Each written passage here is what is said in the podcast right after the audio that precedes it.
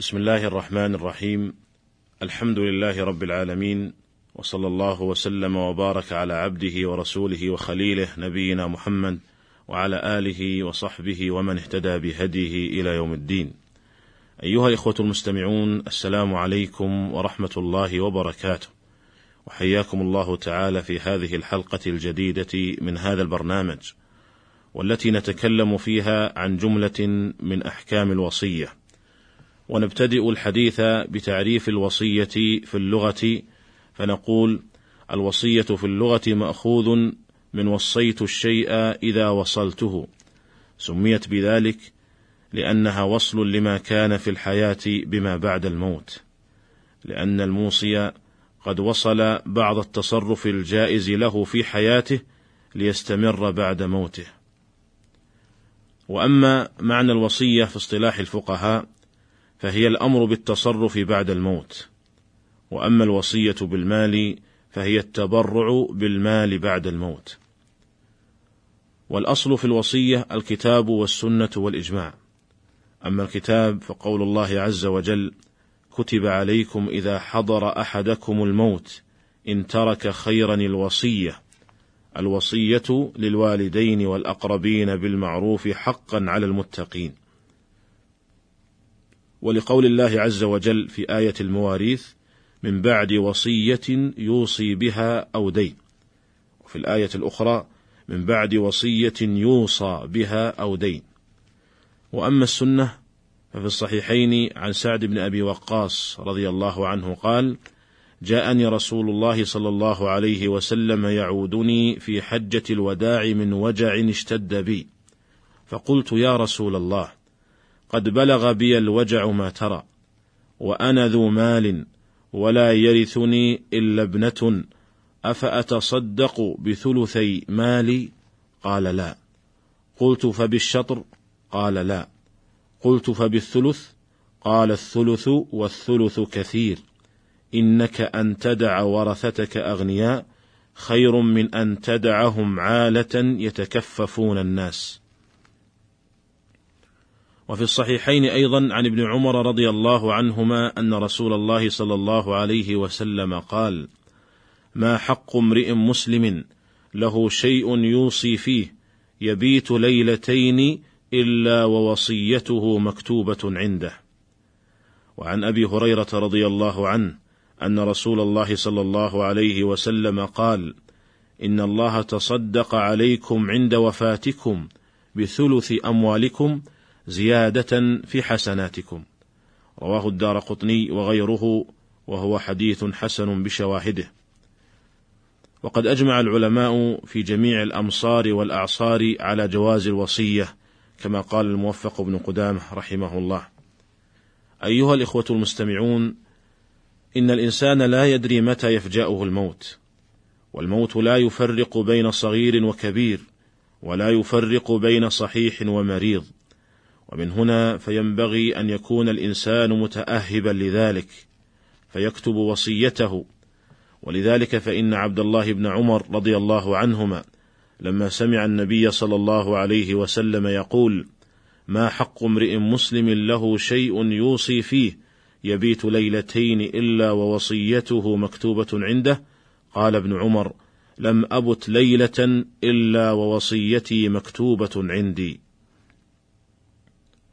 كم من إنسان كم من إنسان يملك الثروة الكبيرة ويملك الأموال العظيمة قد فجأه الموت فلم يتمكن من الوصية بشيء ينفعه بعد مماته والسعيد من وعظ بغيره والشقي من اتعظ به غيره.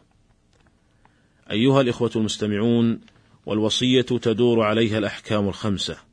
فقد تجب وقد تستحب وقد تحرم وقد تكره وقد تجوز.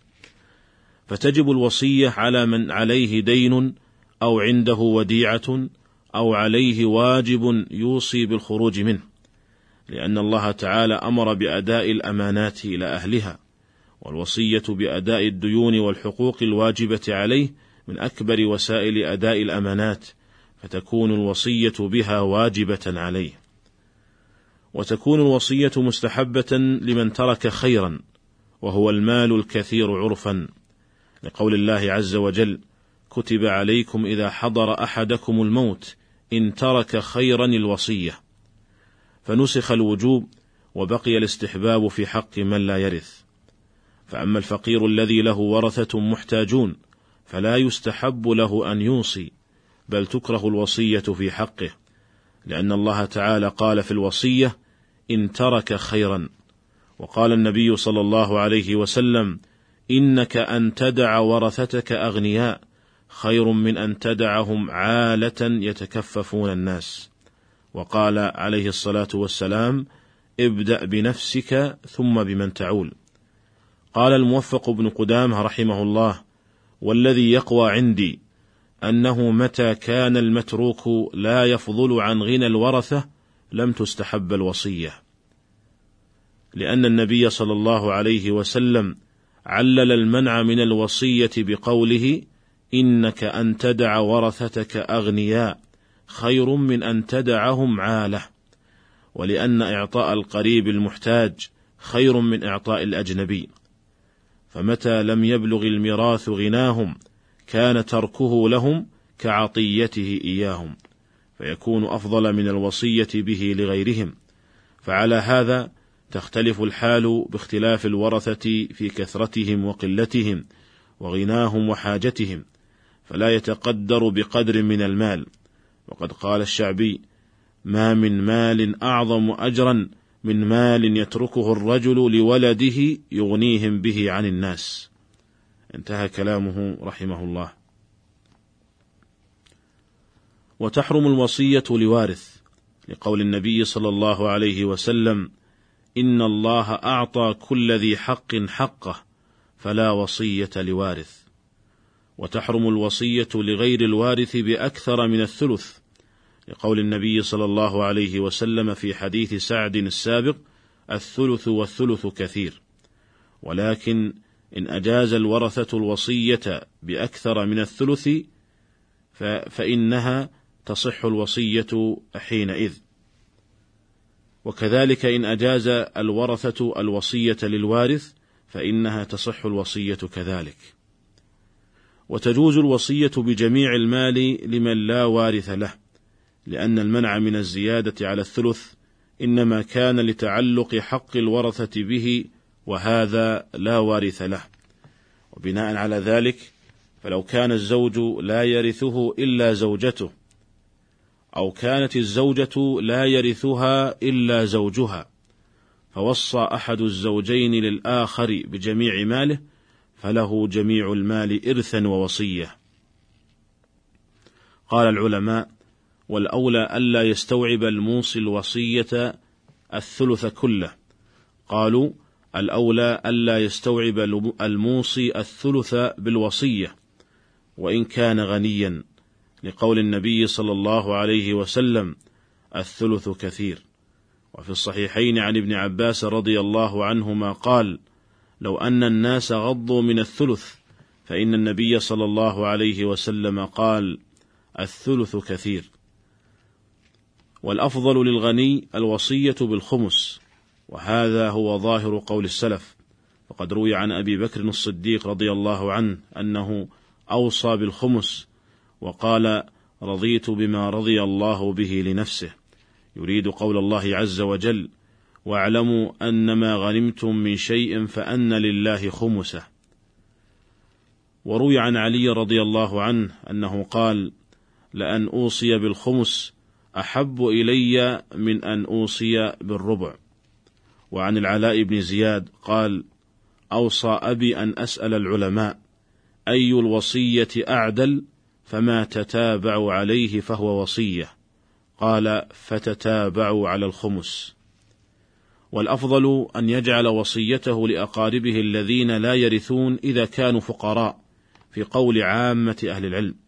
قال الحافظ ابن عبد البر رحمه الله لا خلاف بين العلماء علمت في ذلك إذا كانوا ذوي حاجة. وذلك لأن الله تعالى كتب الوصية للوالدين والأقربين فخرج منه الوارثون بقول النبي صلى الله عليه وسلم لا وصية لوارث. وبقي سائر الأقارب على الوصية لهم وأقل ذلك الاستحباب. وقد قال الله تعالى وآت ذا القربى حقه. وقال وآتى المال على حبه ذوي القربى. فبدأ بهم. ولأن الصدقة عليهم في الحياة أفضل فكذلك بعد الممات. أيها الإخوة المستمعون نكتفي بهذا القدر في هذه الحلقة ونستكمل الحديث عن بقية أحكام الوصية في الحلقة القادمة إن شاء الله والسلام عليكم ورحمة الله وبركاته.